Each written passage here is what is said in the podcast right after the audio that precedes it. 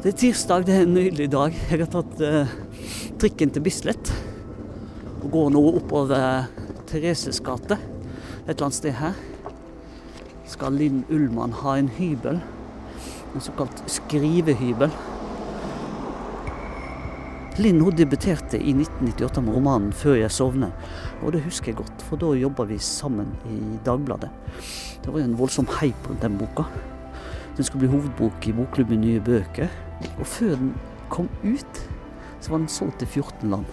Forventningene var store, og fallhøyden var enorm. Men så innfridde hun.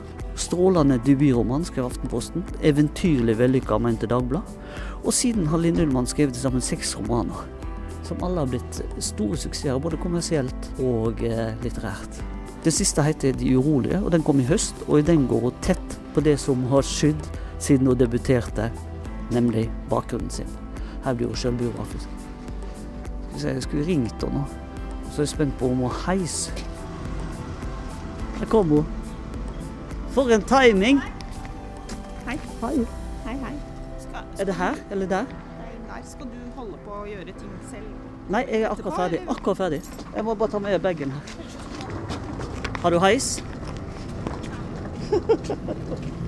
Er det veldig tungt? Nei. Det er 15 etasje. Jeg hørte det. Bokpod er produsert av Monkberry i samarbeid med Cappelen Dam, og med støtte fra Storytel, tusenvis av lydbøker på mobilen. Musikk Herman Eide.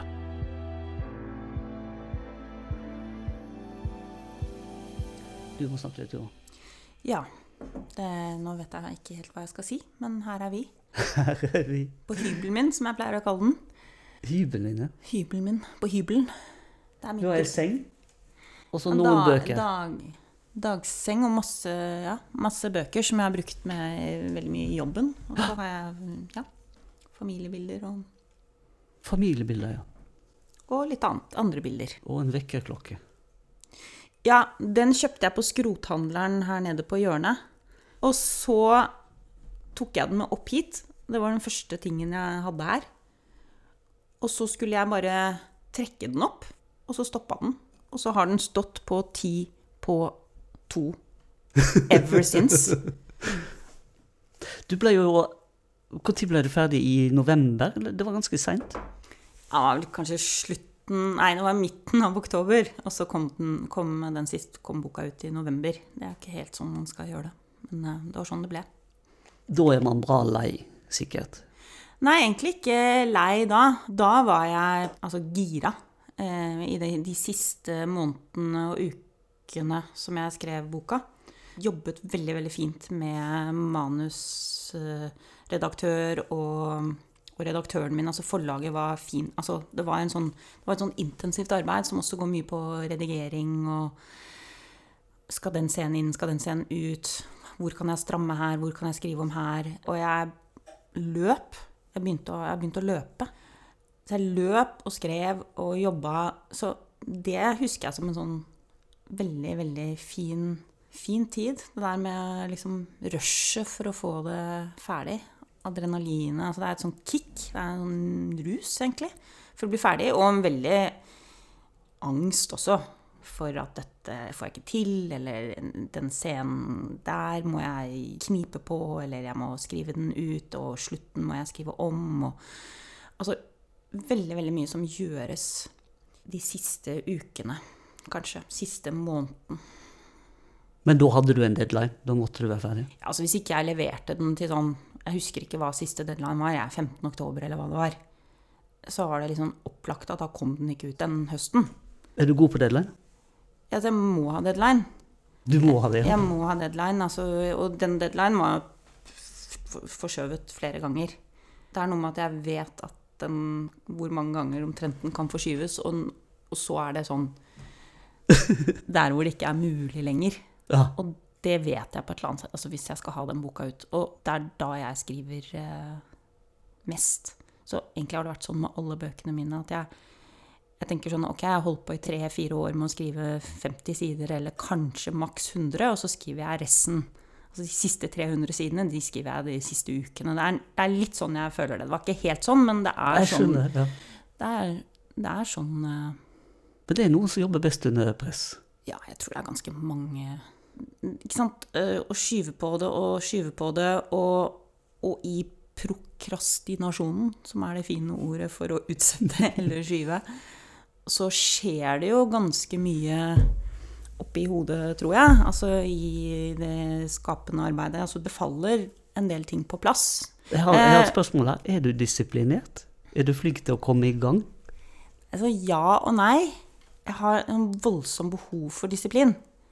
Jeg, jeg kan ikke fungere uten at enten jeg eller noen disiplinerer meg. Deadline er en god disiplin. Altså da er det bare å gjøre det fordi at man må gjøre det. Og jeg må vite at hvis ikke jeg gjør det, så, så får det en del konsekvenser. Men, jeg- men jeg tror sånn dypt i meg selv så er jeg ikke spesielt disiplinert. Jeg kan liksom bare kope helt ut og ikke gjøre noe. Det syns jeg egentlig er eh, kan være ganske fint. Men det er ikke så fint for meg i lengden, for jeg blir, eh, mm, jeg blir så trist av det hvis jeg gjør det for lenge. For da blir det bare et større og et større og et større nei inni meg. Nei til alt, liksom. Nei til treffe noen, nei til å se noen, nei til å lese, nei til å skrive. Og det er bare Det er så utrolig deilig sånn én eller to dager, og så, hvis det varer lenger enn det, så blir det jo bare demonisk. Dette er jo jobben din her. Arbeidsstedet ditt. Mm. Fortell om en sånn hverdag. Du våkner opp hjemme, og så går du på jobben. Så går jeg på jobben. For jeg har også begynt å gjøre veldig mye. Jeg går veldig mye. Så jeg går, går til jobben. Det er jo ikke så langt hit, da. Men øh, altså, hvis jeg ikke begynner å jobbe før klokka ti, da er det litt kjørt. For da er det sånn komme, begynne å tenke Ok, men jeg begynner sånn i ellevetida, men da er jeg jo sulten. Så da må det spises lunsj. For jeg, er alltid sulten. Jeg vil alltid Jeg tenker alltid på når skal det spises. Um, jeg må liksom i gang tidlig, og så må jeg planlegge Ja. For planlegging er viktig. Planlegging av dagen, arbeidsdagen, er veldig viktig. Det sier jeg. Jeg har skrivekurs, og uten en plan går, går det ikke. Altså, du, du må ha et sted, og så må du ha en tid. Hvis ikke du har et sted, som kan være senga di eller kroken i stua, eller Og jeg fikk denne hybelen for eh, et og et halvt år siden, så det er mitt sted. Men altså, du må ha et sted som er bestemt. Her skal det skrives, eller her skal det jobbes. Og så må du ha en tid. Og den tiden må overholdes. For ellers så blir det ikke gjort noe. Men da kommer du ned her klokken ti. Ja, før ti helst. Og da, ha, da må jeg ha med matpakke. Eller ha med noe salat eller noe sånt som skal ta maksimum ti minutter å lage. Og så Så logger du deg inn på Mac, PC. Ja, og så en stund så hadde jeg Prøvde jeg og fikk til liksom Fikk til lite grann å slå av nettet. Fordi det, det er jo døden for uh, altså, sånn Leonard Cohen-sitat 'Looks like freedom feels like death'. Det kan jo begynne som et slags Ok, nå skal jeg gjøre litt research. Research er et sånt fiendeord egentlig for forfattere. Det er veldig viktig å gjøre det også. Så det er masse ting man må lese seg opp og finne ut av og sånn. Men det er sånn eh, Hva har du gjort i dag? Jo, jeg har gjort litt research. Det er alltid det sånn rød lampe som lyser da. Jeg er jo gift med en forfatter også, ikke sant. Det der med Og jeg skal gjøre litt research. For det kan ofte bety at man sitter på nettet dag etter dag og Altså, man skriver ikke, man gjør noe annet i stedet for å skrive. Og jeg er veldig glad i å forville meg inn mens jeg skriver i, i rare ting som jeg blir helt besatt av, og tenker at det er dette boka mi handler om. Altså helt på slutten, jeg hadde kanskje to uker igjen før jeg måtte levere ferdig bok, så ble jeg besatt av å lese veldig mye om renessansens astronomer. Og leste meg opp veldig på det, og også på de som hadde som yrke å navngi ting. Altså navngi ja, på land Ja, på land Altså f.eks. to stykker som hadde skrevet en bok om eh, stedsnavn i Lancashire.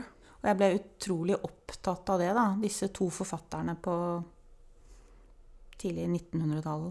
Det har du lite grann om, men Bitte litt, ja, i boka, ja. Men altså Og så får du lyst til å fortelle det videre. Ja, og så, må, og så er det faktisk det å være forfatter, er jo og da at du tar hele den omveien det er å sette deg inn i hva det nå måtte være som du blir helt besatt av. Og så skriver du kanskje veldig mye av det ned, og så må du ta det bort. Faren min siterte alltid Gertrude Stein. Hvis han ville si noe smart, så siterte han alltid Gertrude Stein. Eh, så han pleide å si Altså, Gertrude Stein sier, eller skrev, at å skrive er 99% disiplin og 1% inspirasjon. Men han siterte Gertrude Stein feil, for Gertrude Stein sier at å skrive er 1 inspirasjon og 99% eliminasjon. Du må kutte kanskje 99% av det du holder på med. Du sier at du er en planlegger. Hva er planen for neste bok? Å skrive den. jeg, må, jeg, jeg må sette meg jeg må, jeg, må, jeg må sette meg selv under administrasjon, og så må jeg begynne å skrive igjen. Har du satt en dato? Nei, men det må jeg gjøre. Jeg må Skal vi gjøre det nå?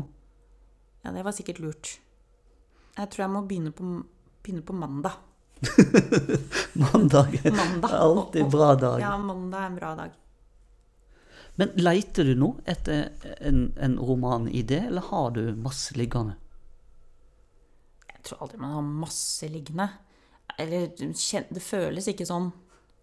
Å skrive er jo litt som å Jeg kan ikke, jeg er ikke noe veldig god på økonomi, men altså, hvis man investerer i et godt marked, så, sant, så tjener pengene penger på seg selv, eller noe sånt. Altså, det er noe sånn jeg har sett eh, Jeg ser på Billionaire på HBO nå, så, så jeg prøver å sette meg litt inn i Ja, men altså, hvis du skriver Nei, nei, nei glem den.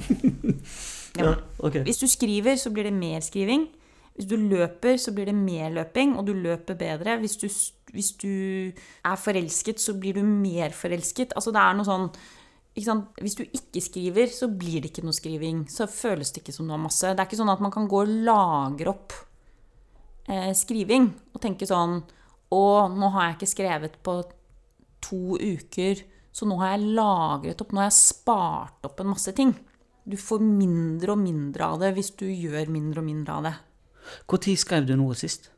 Da jeg skrev ferdig boka. Så du har skrevet noen ting etterpå? Jeg har skrevet veldig mange mailer og SMS-er. Ja. Eh, nei, egentlig ikke. Og det er ikke noe Det er litt sånn stusslig, egentlig. Eller ikke stusslig, men det er, det er sånn litt rart. Eh, du, er sånn fer, du, du er ferdig med den boka. Du, det var fint å egentlig sitte og være i den, og så bare være så fri. Og kunne gjøre Få til ting. Og så når den er ute, så er den jo ferdig. Da er den jo lukket. Og da er det mye annet som tar oppmerksomheten, og så mm, reise rundt og sånne ting. Det er fint, og det er fint å møte lesere, og det er fint å være sånn ute, men det er jo ikke, det er ikke egentlig der kicket ligger, da. Det ligger jo i det å prøve å få til noe som man ikke klarer å få til. Og det kjenner jeg veldig igjen fra Altså, jeg begynte å løpe i senat, sånn typisk sånn i 40-åra, slutten av 40-åra, og nå må jeg begynne å løpe, liksom. Og så har jeg begynt å løpe. Og det er litt samme greie. Men er det som å løpe? For det at jeg løper, men det, løping det er deilig etterpå, når jeg er ferdig og kommet i mål. Men Det er, ikke, helt- det er ikke helt det samme. Det som jeg, har, det som jeg oppdaget med løping, var at det var Og som, som for meg For jeg har aldri likt å løpe. Og alltid tenkt at det var deilig etterpå. Eh, hvis jeg gjorde det. Men det der med å kunne begynne å løpe alene Altså at det var noe jeg kunne gjøre helt selv. Helt alene. Riktignok har jeg en app da, som, på telefonen min med en sånn uh, Han er en sånn maratonmann fra Texas som snakker til meg og sier at nå kan du løpe saktere, nå kan du løpe fortere, og så sier han av og til sånn 'you're great' og sånn. Og han, han er jeg veldig glad i. Han Jeff Galloway. Jeg har lest maratonboken hans, og jeg bare jeg liksom, Han har blitt min men, mentor, da.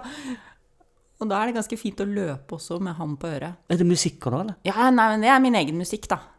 Og Å, det er også sånn Guilty Pleasures-musikk. Men han jeg da- snakker oppå musikken din? han snakker oppå musikken, og så sier han at kan, nå kan jeg løpe roligere, nå kan jeg løpe litt fortere, nå er jeg halvveis. Og så sier han at jeg er og så, Ja, og av og til sier han at jeg er fantastisk.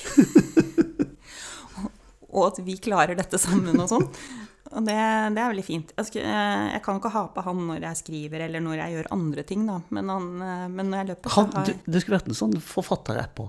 ja, det hadde vært Kanskje man skulle kunne finne Men, men, det, men, noe av det der med å være helt alene, det tror jeg er det jeg liker med løping. Altså Ja. det å være helt alene. Jeg vil ikke løpe sammen med noen. Eller det vil si, jeg løper Jeg møter ofte en forfatterkollega av meg em, nå på Bislett, på innebanen der, som jeg oppdaget. Det er sånn innebane, og så er det helt stille midt på dagen. Og man bare løper rundt og rundt og rundt og rundt, og rundt, og det skjer ingenting. Og det er bare de grå veggene. Og jeg, jeg syns at det er en av de fineste stedene i Oslo. Hvor langt løper du? Jeg løper ikke så langt, jeg er ikke noe flink. Halv mil. Ja, bra. Det er bra. Tre ganger i uken eller noe. Såpass, ja. Ja, men jeg begynte jo med altså bitte litt. Og så er det deilig etterpå. Ja, det òg.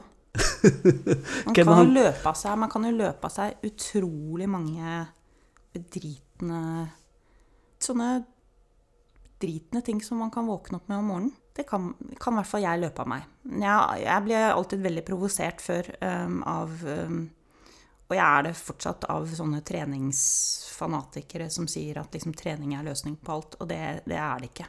Det er det virkelig ikke. Trening er løsning på noe. Kanskje litt. Det er bare å tenke på den appen. Det hadde vært en sånn forfatterapp. It's a great day. Today ja, men you're det, gonna det, make it. jeg tror kanskje det ville blitt Det blir kanskje bra løping av det, men jeg vet ikke hvor gode bøker det ville blitt av, eh, av det, altså. Uh, you're doing great. no, I'm not. Yes, you are. Dette er forferdelige greier. Å Oh, come on, you can do it. Ja. Du, du kan høre musikk om mens du skriver, du. ja. Har egne spillelister for skriving. Og Og egne spillelister for løping. Og det er sånn De to verdenene møtes aldri. Jo, så jeg har, jeg har musikk som jeg hører på når jeg skriver. Hva er musikken er? Det er litt forskjellig fra bok til bok. Noe 60- og 70-tall. Altså noe Bob Dylan, for eksempel. Noe eh, soul. Noe Mahala Jackson. Mye Bach. Altså det er litt eh, Det er en sånn eh, salig blanding av ting jeg holder på med, og som jeg hører på igjen og igjen og igjen. Emily Harris. Og så blir spillelisten kanskje litt sånn smalere og smalere jo mer jeg nærmer meg. Så til slutt så hører jeg kanskje bare på fire eller fem låter. Du er jo òg gift med en forfatter. Leser dere hverandre Ja, på et litt senere tidspunkt i prosessen. Ja.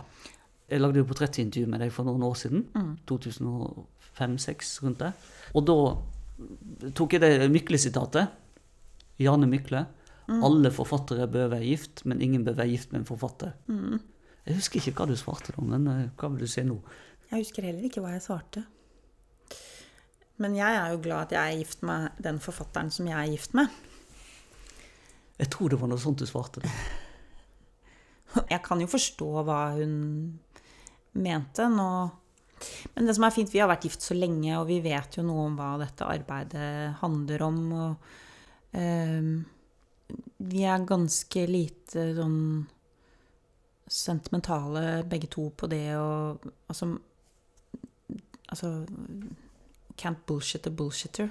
Altså, du kan ikke komme hjem og si sånn Å, jeg, jeg lider sånn under min skrivesperre Eller altså kjøre det derre kunstnerdiva-greiene, da.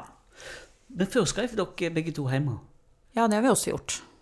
Men det er ikke så lurt, for da blir det Han er også veldig glad i og, altså Vi er veldig glad i å sånn, drikke kaffe sammen og spise lunsj og ja, det der evinnelige spørsmålet om når skal, man, når skal vi spise. Så da blir det jo til at vi møttes litt for ofte i stua, drikke kaffe, og en stund så lot vi som det var en Altså, vi kunne liksom si at vi hadde et slags morgenmøte, eller sånn som de gjør på ordentlige jobber, hvor de har møte.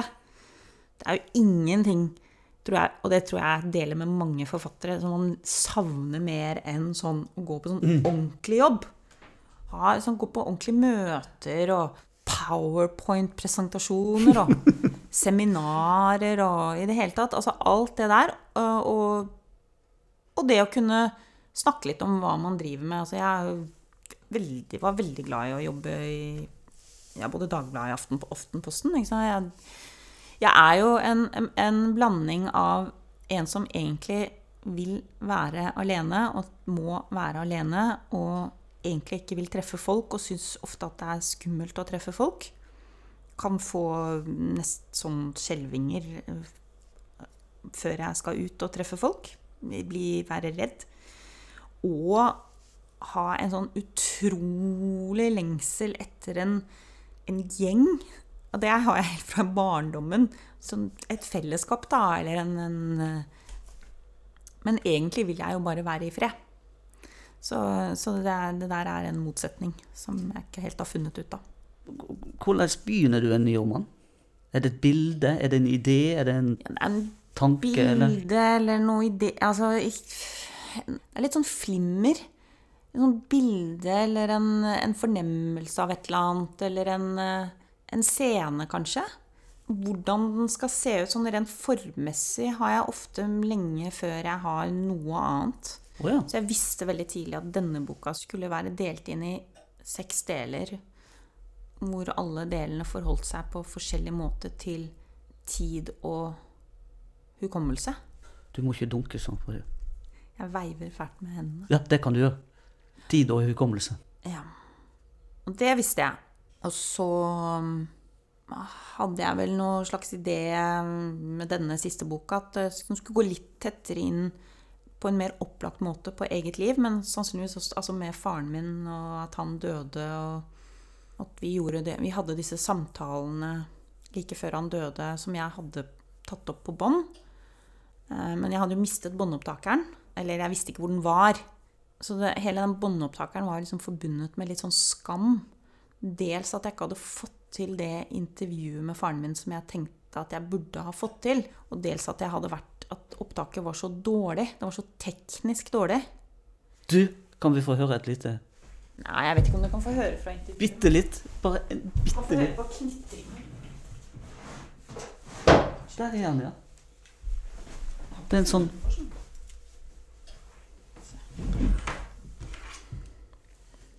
Det som er, er at den er delt inn i flere samtaler, og så kan man få opp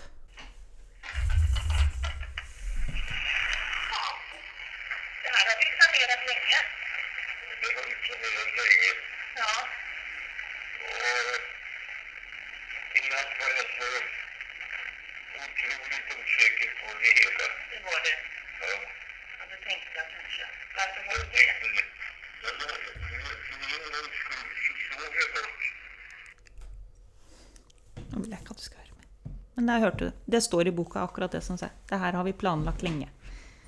Og i natt var jeg så utrolig usikker på det hele, sier han. Og det er jo det første opptaket. Det er ikke tull det at det var dårlig opptak, nei. Og dette kan du sikkert identifisere deg med, identifisere med deg som sitter med og har eh, pod, podcast. Vi sitter jo her bak noen fantastiske fine høyttalere, da. Mikrofoner. Mikrofoner, ja. Jeg blander ordet høyttaler og mikrofoner, men vi sitter bak noen fantastiske fine mikrofoner. Og jeg hadde jo en sånn bitte liten eh, diktafon som lå mellom faren min og meg, og lyden var jo kjempedårlig. Og så morsomt å høre deg når du snakker svensk. ja. Hvordan, hvordan, begynner du? Jeg spør en gang til. Nei, det er jo med en eh, Altså, her hadde jeg den, denne boka, så var det jo et eller annet med faren min og meg som jeg Og de, de, de siste ukene han levde. Jeg tenkte mye på hvordan ting var da vi satt og gjorde de opptakene. At vi var et slags knitrende rom hvor alle vinduer var åpne. Altså ikke, ikke i bokstavelig forstand, men i overført betydning. I og med at han da var i et slags mellomsted mellom virkelighet og fantasi, og natt og dag og liv og død og glemsel og hukommelse og klarhet og galskap. Og der hadde han ofte vært i, sitt skapende arbeid. Hele hans filmografi, altså veldig mye av det han har gjort, har vært det å undersøke og spørre og vri og vende på dette med hva er fakta, hva er fiksjon.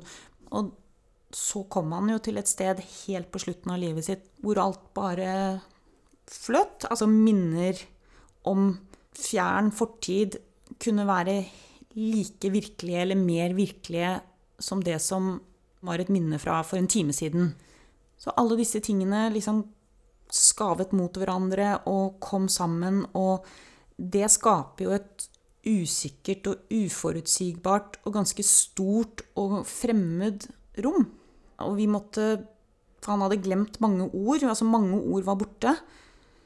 Så vi måtte jo også finne et nytt språk for å snakke sammen der han var nå, og der han ikke hadde vært før, og jeg ikke hadde vært før. Så de tingene tenkte jeg mye på da jeg begynte å skrive boka, og ville på sett og vis at denne romanen, hva det nå enn skulle bli, så skulle den være i det rommet. Mm. Selv om jeg ikke helt visste hva som skulle skrives i den boka.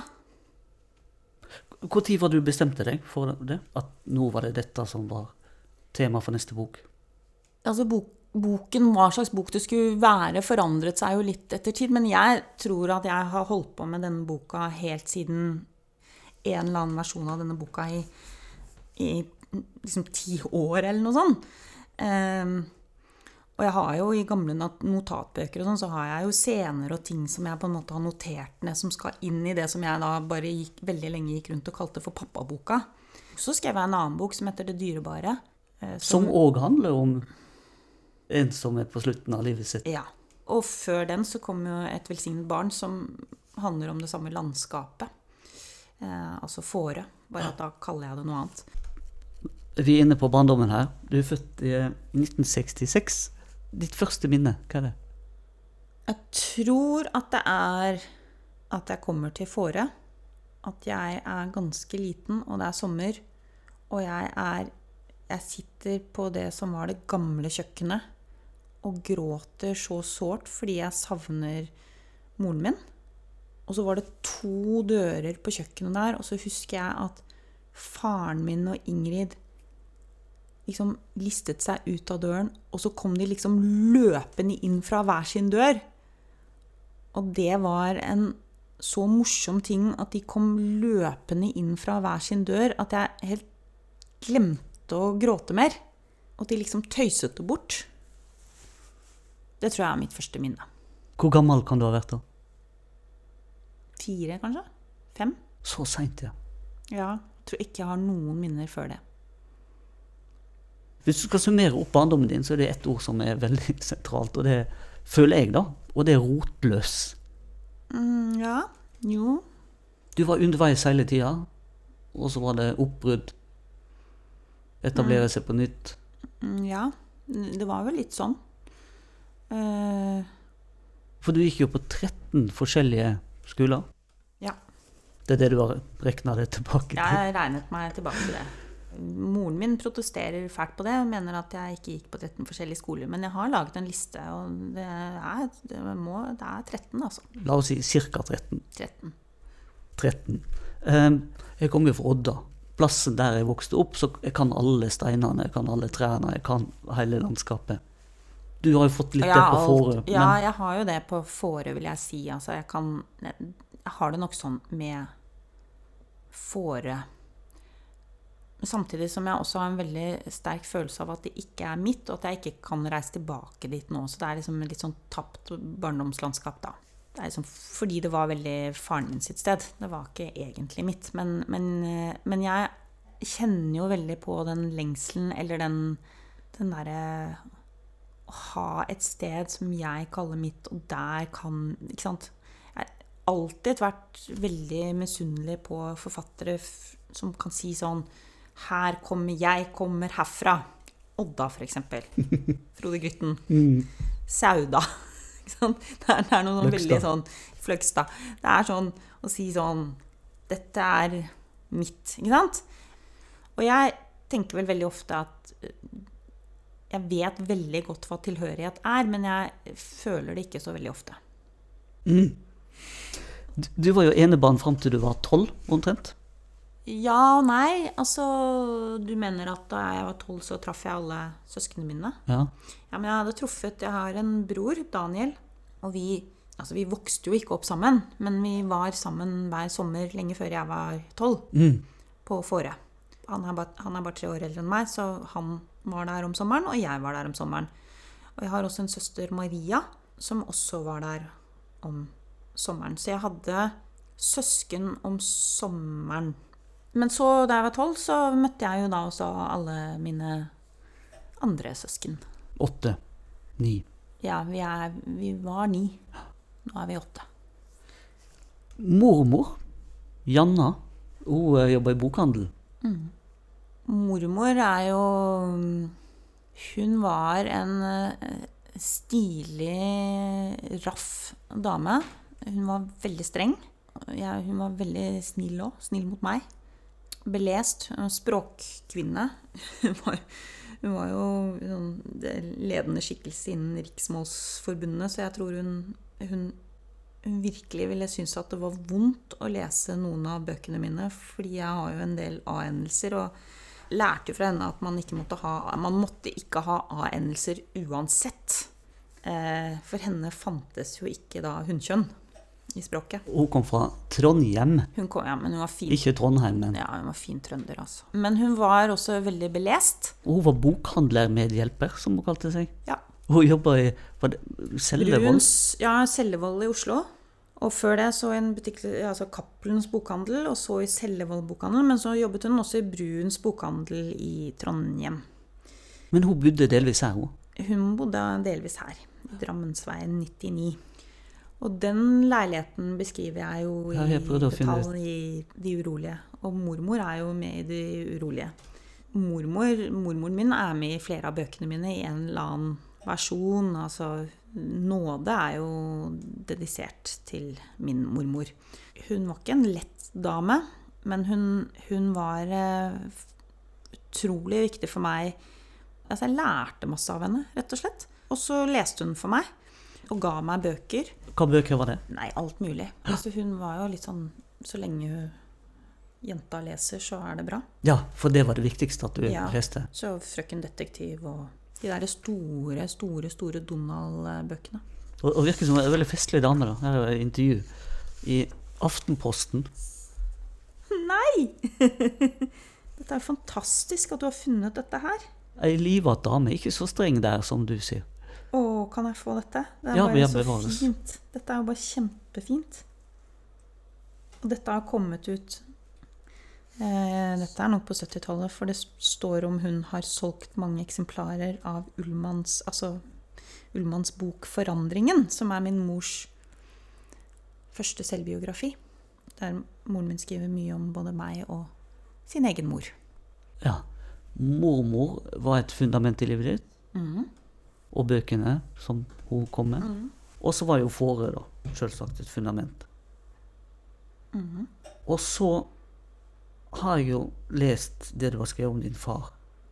Han var jo opptatt av punktlighet og orden. Et univers fullt av regler. Det var trangt, men trygt. Jeg vil ikke si at det var trangt.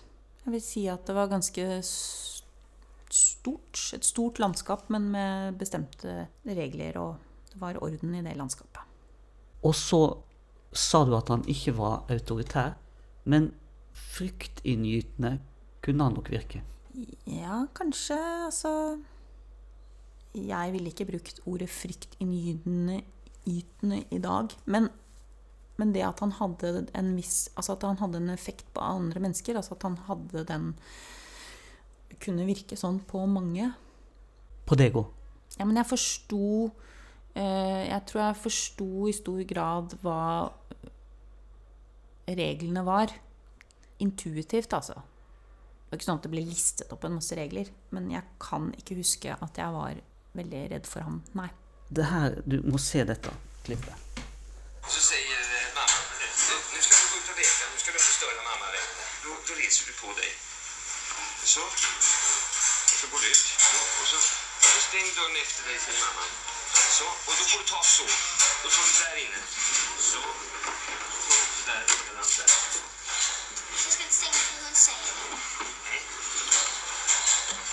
Du, tänk på en sak bara.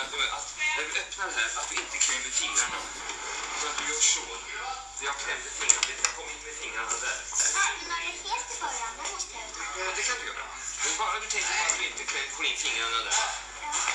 God dag på dig, sötaste. God morgon. Hej, hej, hej. Ja, det är min dotter, ja.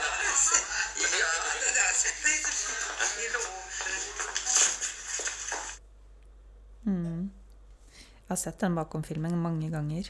Der er han jo veldig varm og omtenksom. Der er han også i sitt ess. Altså, han er instruktør. Dette er jo i en film som han laget som het 'Høstsonaten', som handler om en, en ganske vond, konfliktfylt oppgjør mellom en mor og en datter, en, og en voksen datter. Den voksne datteren spilles av min mor, og moren spilles av eh, selveste Ingrid Bergman. Og jeg har da en liten rolle som datteren som barn. Altså min mor som barn er min rolle. Og det du spilte her, er instruerer han meg i at jeg sitter og vil så gjerne være inne sammen med mammaen min etter å ha servert henne te, og så sier mammaen nei, men nå må du gå ut og leke litt, eller sånn. Og så viser pappa hvordan jeg skal da lukke disse skyvedørene. Og så legger han jo da veldig faderlig til, men pass på at du ikke klemmer fingrene akkurat her. Det neste som skjer i den filmen, er at så kommer jo Ingrid Bergman, og pappa da presenterer 'Her er din datter', sier han til Ingrid Bergman. For det er Ingrid Bergman som kom inn der? Det er Ingrid Bergman som kommer inn og Er det hun som kommer inn på ja, slutten? så klemmer de hverandre, og så forsvinner de. Det, da, er, da følger ikke han som filmer bakom filmen, han følger faktisk ikke eh, Ingrid Bergman og faren min. Men han følger faktisk barnet. Han følger eh, meg, og jeg begynner å danse. Du tar sånne selv, piruetter. Og danser og danser og danser og danser. Piruette etter piruett. Helt for meg selv, for da er jeg jo aleine på sett. Og da er det jo klart at han akkurat på dette her, altså da er jo faren min først og fremst instruktør, som har et stort arbeid foran seg. Men varm og omtenksom. Ja, det òg, selvfølgelig. Veldig. Veldig. Men, men det var ikke egentlig der jeg tenkte at jeg kom nær faren min, da. Var du et mer høflig barn med han enn med din mor? Det var jeg nok. Absolutt. At jeg tror jeg var mye, jeg var mye mer krevende i forhold til moren min. Veldig krevende. Veldig lengtende.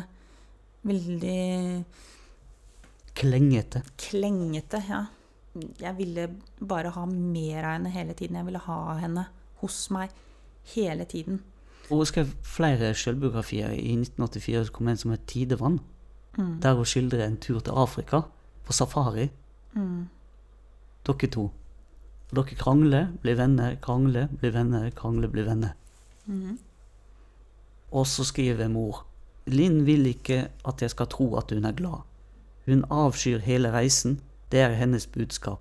Iblant glemmer hun seg og unner meg små glimt av begeistring. Så husker hun at hun ikke må vise glede og anlegger en krenket mine.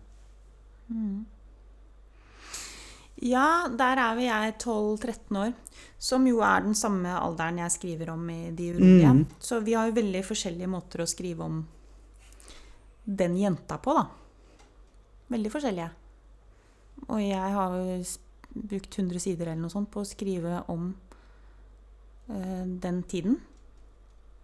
Som er 12-13. Men jeg var sikkert ikke Og jeg var ikke blid og glad og smilende hele tiden. Men hvilken tolvåring er vel det?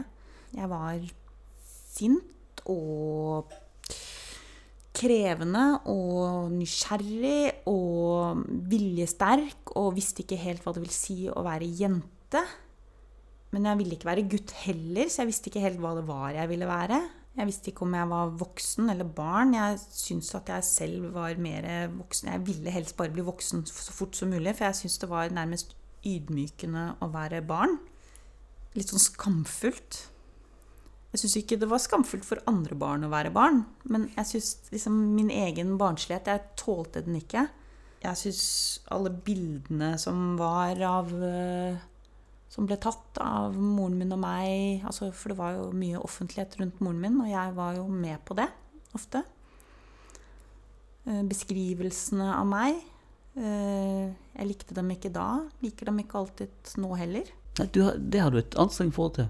Ja, jeg tror at noe av det å skrive den boka som jeg gjorde nå, var vel egentlig å gå litt inn i, og det er vel det det er å ofte skrive romaner og bøker, er jo å gå inn i noe som virker litt umulig å gå inn i, eller noe som kan være mm, ubekvemt å gå inn i.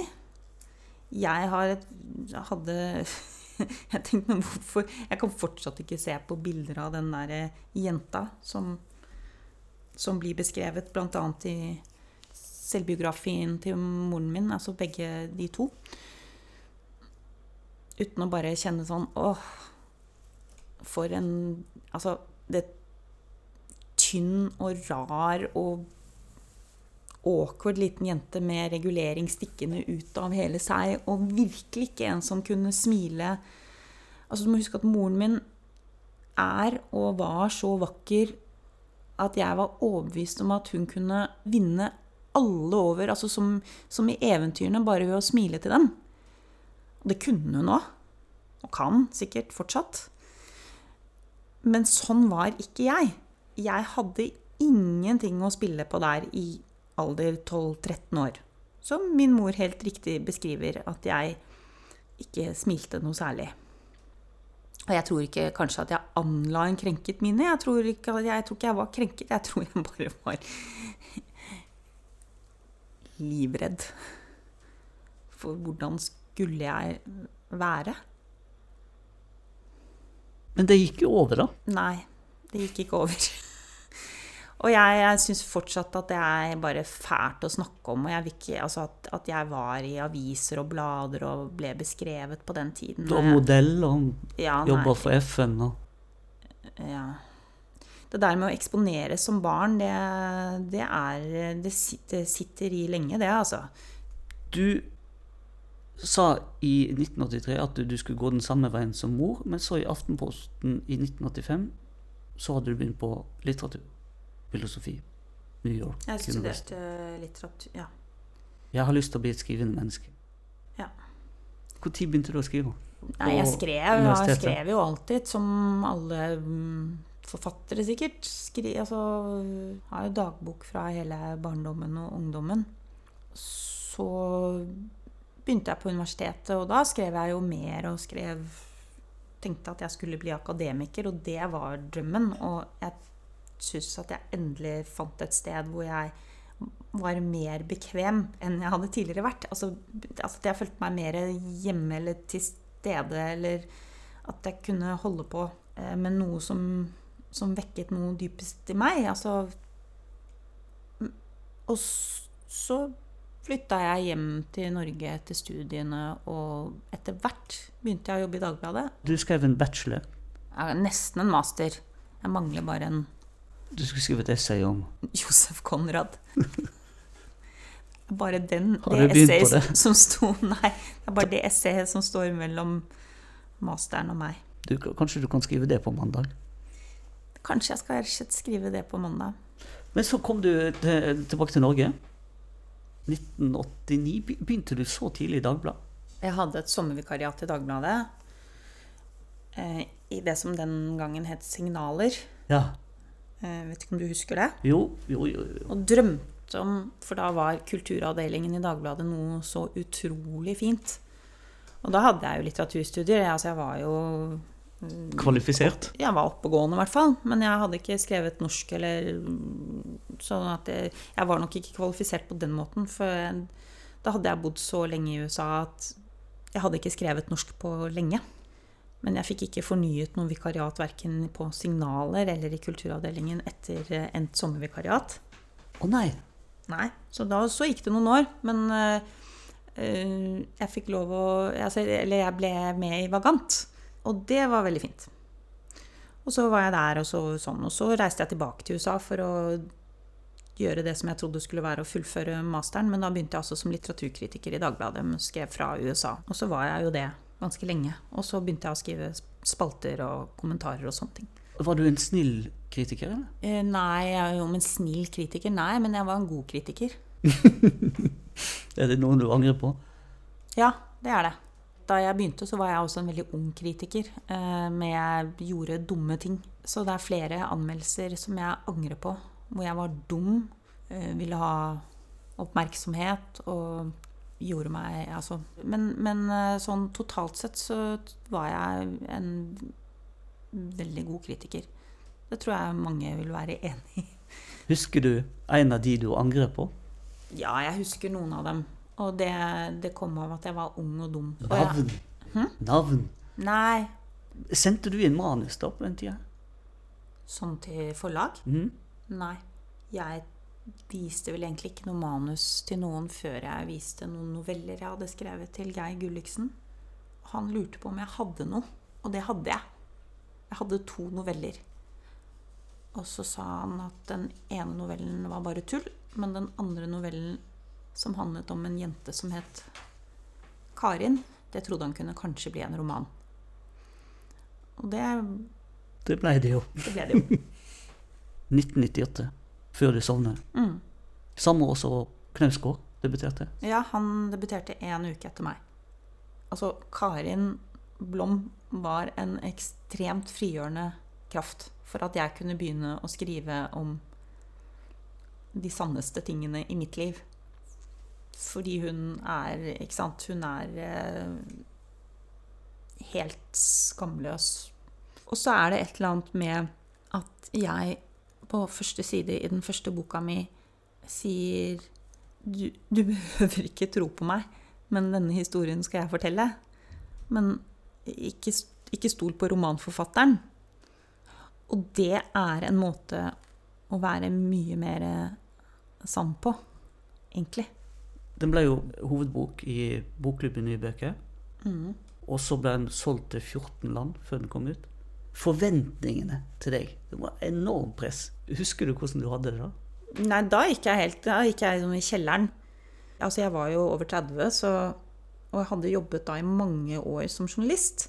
Uten å bli konfrontert med denne kjente bakgrunnen min, da. Så det kom helt overraskende på meg, og det er jo litt rart. Det burde jo kanskje ikke ha gjort, for jeg mener, jeg var jo men, Og jeg husker jo at jeg var veldig glad for at det gikk så utrolig bra, for det gjorde det. Altså, det, Det fikk kjempekritikk. Ja. Strålende debutroman, Aftenposten. Eventyrlig vellykket, Dagblad. Det må være en sånn lettelse. Ja, det var, den gikk veldig fin, og det er en fin bok. Altså, jeg, jeg leste litt i den Det er den eneste jeg har lest litt i senere, sånn for, for et år siden, husker jeg bladde litt i den, og jeg syns at den, er, den har masse fint i seg. Det var jo utenlandslansering òg. Det gikk jo overalt, denne boka. Altså, konsulenter hadde lest den, det var ikke sånn at den ble kjøpt på På navnet, sånn, nei. nei. Var det, det var Knut Follbakken det som hadde, sa på et sånt seminar på Lillehammer at du har jo nærmest erklært deg foreldreløs i høst. Ja. Det var helt riktig, og det var helt riktig sett. Og jeg har ofte tenkt på at han sa det, og hvor viktig det var for meg å erklære meg foreldreløs. Altså ikke det at jeg ikke hadde foreldre, men at jeg snakket ikke om foreldrene mine. For jeg hadde vel såpass mye medievett at det var viktig for meg å si at dette er en roman. Lik den, ikke lik den, hva som helst. Jeg vil ikke være med på å trekke inn mitt privatliv, som kanskje for andre er et offentlig liv, men for meg er det privatlivet mitt. Nå skulle du stå på egne bein. Det hadde ingenting med dine Ja, foreldre jeg hadde stått på egne bein ganske lenge som journalist og som menneske. Jeg var jo, hadde vært gift og skilt og hadde, altså jeg, var, jeg hadde jo levd allerede. Man er jo ikke noe jentunge når man er eh, 30 år. Og det gikk vel så langt at jeg sa at ikke, ikke spør meg om foreldrene mine. For De unevnelige, som du sa. ja, og egentlig er det sånn litt sånn ennå. Og jeg er klar over altså Jeg skjønner jo f.eks. at det er vanskelig å snakke om en bok som jeg har skrevet nå, som heter 'De urolige', hvor foreldrene mine kanskje på en tydeligere måte er blitt brukt. Eh, som inspirasjon og som modeller for moren og faren i boka. Jeg har jo skrevet om dem før òg. Altså, forfattere skriver jo om sine, bruker jo sine egne liv. Det er ikke noe veldig stor hemmelighet, egentlig. Eh, den vanskelige andre boka kom jo ganske snart etterpå. Ja, tre år senere, tror jeg. Ja. Og det var noe helt annet. Når jeg er hos deg, med sju fortellerstemmer. Er det sju? Ja. Det er kanskje så mange. Ja, det er mange, i hvert fall. Mange fortellerstemmer. Da har du tatt et grep. Ja. Og det har vel også alltid vært Altså dette med å tenke rundt form og hvem er det som forteller, som alltid er mer interessant enn hva det er som fortelles. For hvem som forteller, sier alt om hva den fortellingen er. Å jobbe med de forskjellige stemmene, også da først og fremst med jentas stemme som mister moren sin. Ja, Det er en mor som faller og faller, blir dyttet. og faller og faller. Ja, hun blir enten dyttet eller hun snubler. Og så faller hun gjennom boka. Og det var også en måte å tenke form på, da. Tid og sted er helt relevant når du skriver. Det, altså, det virker sånn? Hvordan skal, hvordan skal jeg forme tiden? Hva skal jeg gjøre med tid i boka? Og der så jeg er det mulig å liksom skrive hele boka i det fallet Mm. eh, komprim, altså komprimere tiden inn i bare det fallet. God idé. Ja, eller i hvert fall en måte å tenke form på som, som var dristig. Og om boken er delvis vellykket og delvis mislykket, og sånn skal det jo være. Allerede året etterpå kom Nåde. Mm. En ny type bok igjen. En stram fortelling om en Dagbladet-journalist som får kreft. Eller diagnosen blir jo aldri navngitt. Å, Men ja, han blir syk, han får en dødelig diagnose. Så den handler jo også om eh, en mann og en kvinne, og hun er lege, og han blir syk, og han spør henne om hun kan hjelpe ham når tiden er inne, med å få dø på sine premisser. Bevegelsen i den historien, som jeg så bare for meg en sånn smertefull Et par som danset en smertefull dans først, liksom til én side av rommet, og så snudde de, og så danset de til den andre siden av rommet. Altså det var en eller annen sånn at den vendingen eller tvilen var det som var viktig for meg å beskrive der. Det var ikke noe sånn klart svar, det var et mellomrom, og jeg ville skrive den romanen i det mellomrommet, som verken var ja eller nei. Og det tror jeg vel også da ble en sånn hovednøkkel eller hovedtanke til videre bøker. I 2005, tre år senere, Et velsignet barn. Og jeg spurte i stad om hvordan du startet opp en roman, men der hadde du et bilde av en gutt som løp. Det var utgangspunktet. Ja. Og alle disse bøkene så har jeg vel et, sånn, et eller annet bilde. Og der var det en gutt som løp. Løp, løp, løp, løp. Med en haug med unger etter seg. Og jeg tenkte at den boken kunne den skrives Kunne gutten løpe gjennom hele boka. Og da er vi tilbake på Fårö igjen i den boka. Ja, bare at i den boka heter det Hammarsjø. Ja, hva er forskjellen på det? Det er ikke noe som heter Hammarsjø. Det er du som har funnet på det? Det er ikke noe øy i Østersjøen som heter Hammarsjø. Det er, den fins ikke. Altså, man kan godt si at Fåre er delvis en modell for Hammarsjø. Og at den boken på mange måter er selvgeografisk. Det var vel første gangen jeg begynte å skrive om det landskapet som, som jeg vokste opp i om somrene. Og som sitter litt fast i meg. Som Odda i deg. Så gikk det lang tid da, før eh, neste bok kom, De dyrebare. Seks år. Da hadde du jo mista faren din i mellomtida. Først fylte jeg 40, og så døde han, og vi gjorde disse båndopptakene. Og jeg fikk det for meg at det viktigste i mitt liv akkurat da var å få til noe med Fåre. Altså med hans hus og den lille kinoen. Men seks år, så kom De dyrebare. Ja. Og nå begynner det å bli ganske komplisert i din fortellerteknikk. Ja. ja. Hva, men, hva mener du da? Nei, Det er en avansert måte å fortelle ting på. Det er en slags eh, Jeg vet ikke hvordan man kan si det, men det, det er sånne hjul som beveger seg i hverandre. Så forteller du litt fra ene situasjonen, og så beveger du det hjulet. Det, det, det er masse hjul som går rundt hele tida. Og så streifer de innom de ulike temaene, og så ser du fra andre vinklinger. Det er komplisert eh, måte å gjøre det på. Jeg likte den jul, julbildet ditt. Komposisjon blir viktigere og viktigere, og det å jobbe med flere strofer eller temaer samtidig, forlate dem, hente dem opp igjen, men kanskje da i et litt annet lys, forlate dem, hente dem opp igjen, hente det andre opp igjen, la det skave mot hverandre, se hva som skjer. Hvilket utsnitt av bildet er det vi ser på nå? Står vi langt unna og ser mye? Kan vi, går vi tett på og ser lite, men tydeligere? Og samtidig så får du til en framdrift, da. Ja, skal jo, Nei, men skal jo underholde litt. òg. det er klart, det skal jo være Ikke sant? Du kan ikke Nei, men jeg skjønner at det har tatt jo, tid du skal jo holde leserens oppmerksomhet i 400 sider. Det er mye av leserens tid, det. Det må jo være en grunn til å snu siden. Ikke gå og gjør noe annet.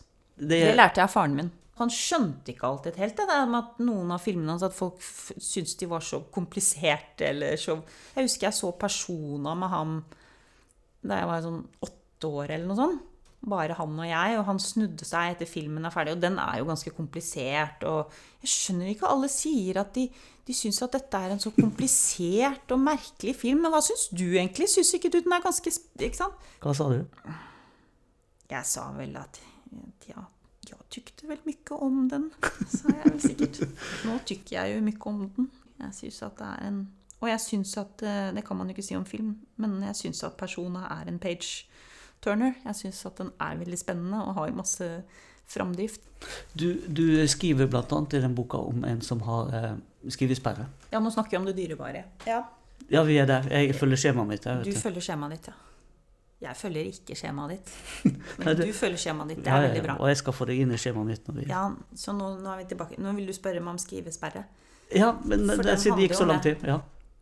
Skrivesperre er kreativiteten vendt på hodet, og den blir ond. Har du opplevd dette? Ja. Litt skrivesperre er veldig bra, for jo, du må jo ha motstand. Det er jo ikke noe sånn så hvis du bare har sånn flow hele tiden, det er jo, tror jeg, ikke bra. Det, da skriver man masse rart som ikke skal vises noe sted. Så litt skrivesperre er fint. Men hvis skrivesperren blir liksom a way of life, altså at du ikke du slutter å skrive, du, du tvinger deg ikke selv til å prøve, så blir du jo mentalt lat og tjukk, og for hver dag er det vanskeligere å komme i gang igjen. Men eh, hvor lenge har du hatt det? Lengste? Ja, men det, med, altså jeg tror den lengste skrivesperren jeg hadde, var jo med det dyrebare. Det, sier, forteller jeg, altså det var seks år mellom et velsignet barn og det dyrebare. Så det dyrebare er jo også en ganske selvbiografisk roman, annet med at jeg beskriver en forfatter som sliter med skrivesperre. Men det er ganske morsomt altså det er ganske morsomt å skrive om disse tingene også. Fordi at du blir så Altså, det er morsomt å gå inn i denne mannlige forfatteren, og så er det meg, men det er ikke meg lenger. Og så kan du på en måte bare utbrodere og vri og vende på ting, og da blir det plutselig veldig gøy. Og det er jo det som er så fint med roman, at det er veldig personlig i bunn, men du, du putter det jo inn i en roman, og da begynner jo stemmene de har, og konsekvensen av hver ting du skriver om dem, blir kanskje annerledes enn sånn som det var i ditt eget liv, da. Mm. Du skriver til og med deg og mannen din inn i den boka. Hm? Du og din mann er skrevet inn i den boka. Det dyrebare. Mm. Den, jeg har ikke skrevet inn ham. Hva mener du nå? Det, dette forfatterekteparet som går på Torshov. Ah, ja, ja, jo, det gjorde jeg. Jeg skrev akkurat ja, Det er en sånn bisetning hvor um, hovedpersonen, den mannlige hovedpersonen går rundt på Torshov på slutten. Og da møter han på et forfatterektepar. Det tenkte jeg jo, det var, eh, det var, meg, det var eh, Nils og meg. Jo, det er helt riktig, det. Vi nærmer oss slutten her, for det, tida flyr. Ja. Og jeg som trodde vi nettopp bare hadde begynt. I 2014 ble du intervjua av Vogue. Er det sånn man uttaler? Vogue? Vogue? Vogue? Vogue sier man i Norge. Vogue, ja, Vogue. What are you working on now? I'm writing a memoir, or at least I thought it was a memoir. But since my memory is both very vivid and not entirely reliable, it could just as well be a novel. Og jeg tror egentlig at det er ganske god jeg, jeg prøver jo Jeg får jo stadig spørsmål om hvorfor kaller du dette en roman? Og så begir jeg meg ut på lange funderinger om hva en roman er, og hva romanen egentlig kan romme av egne erfaringer. Og at det både er sant og diktning. Men så møter jeg meg selv i døra absolutt hele tiden. Men noe av det var kanskje det jeg sa der. Altså. Jeg har veldig tydelig hukommelse, men den er jo ikke pålitelig. Og derfor så vil jeg ikke kalle dette en memoir. Jeg syns romansjangeren er uansett mye mer spennende og mye mer sann. Du har jo hele tida visst at du skulle bruke denne historien her, om ditt eget liv. Og du har venta på et tidspunkt der du kan gjøre det. Ja, men jeg tror faktisk det er litt sånn at man skriver på den samme romanen hele livet. Du kommer liksom nærmere og nærmere, kanskje, hvis du er heldig, til, den, til der du vil være. Du skriver i De dyrebare om en skatt som ble begravd. Og så skriver du at en skatt er en skatt så lenge den er begravd, men når du har gravd den opp, så er det ikke lenger en skatt. Føler du at du har gravd opp skatten din? Nei. Nei. Jeg vet ikke. Kanskje jeg har gravd opp skatten, og nå er det bare over. At jeg ikke har noe mer å si og skrive. Men jeg håper at jeg Jeg håper jo at jeg skal skrive flere bøker, for det er, er et fint sted å være og skrive. Men du begynner på mandag, så da er du i gang igjen. Jeg begynner på mandag. Klokka ti. Ikke sånn. Ja.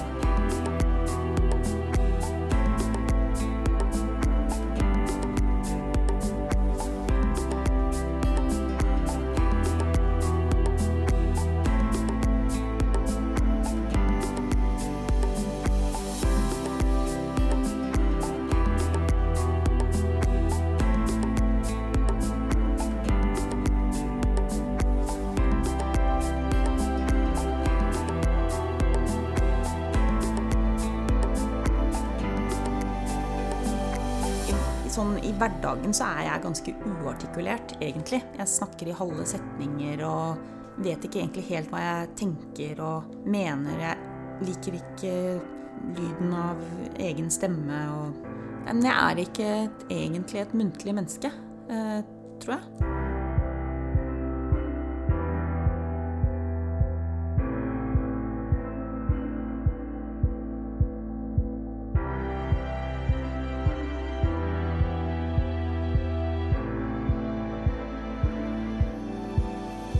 Og i neste uke, da er det Norges mest produktive forfatter, Frid Ingulstad. Det er jo mange som skriver tyngre bøker enn meg, og hvor du virkelig må sitte og tenke og, og fordøye det og suge til deg. Og jeg kan bli veldig imponert over ord som jeg liksom bare må smake på, som jeg må lese om igjen bare for å nyte kombinasjonen av ord. Jeg kan godt se at det er mange som skriver sånn jeg aldri ville klart. Men jeg har ikke sett det som noen hensikt heller. Det jeg liker, er å underholde.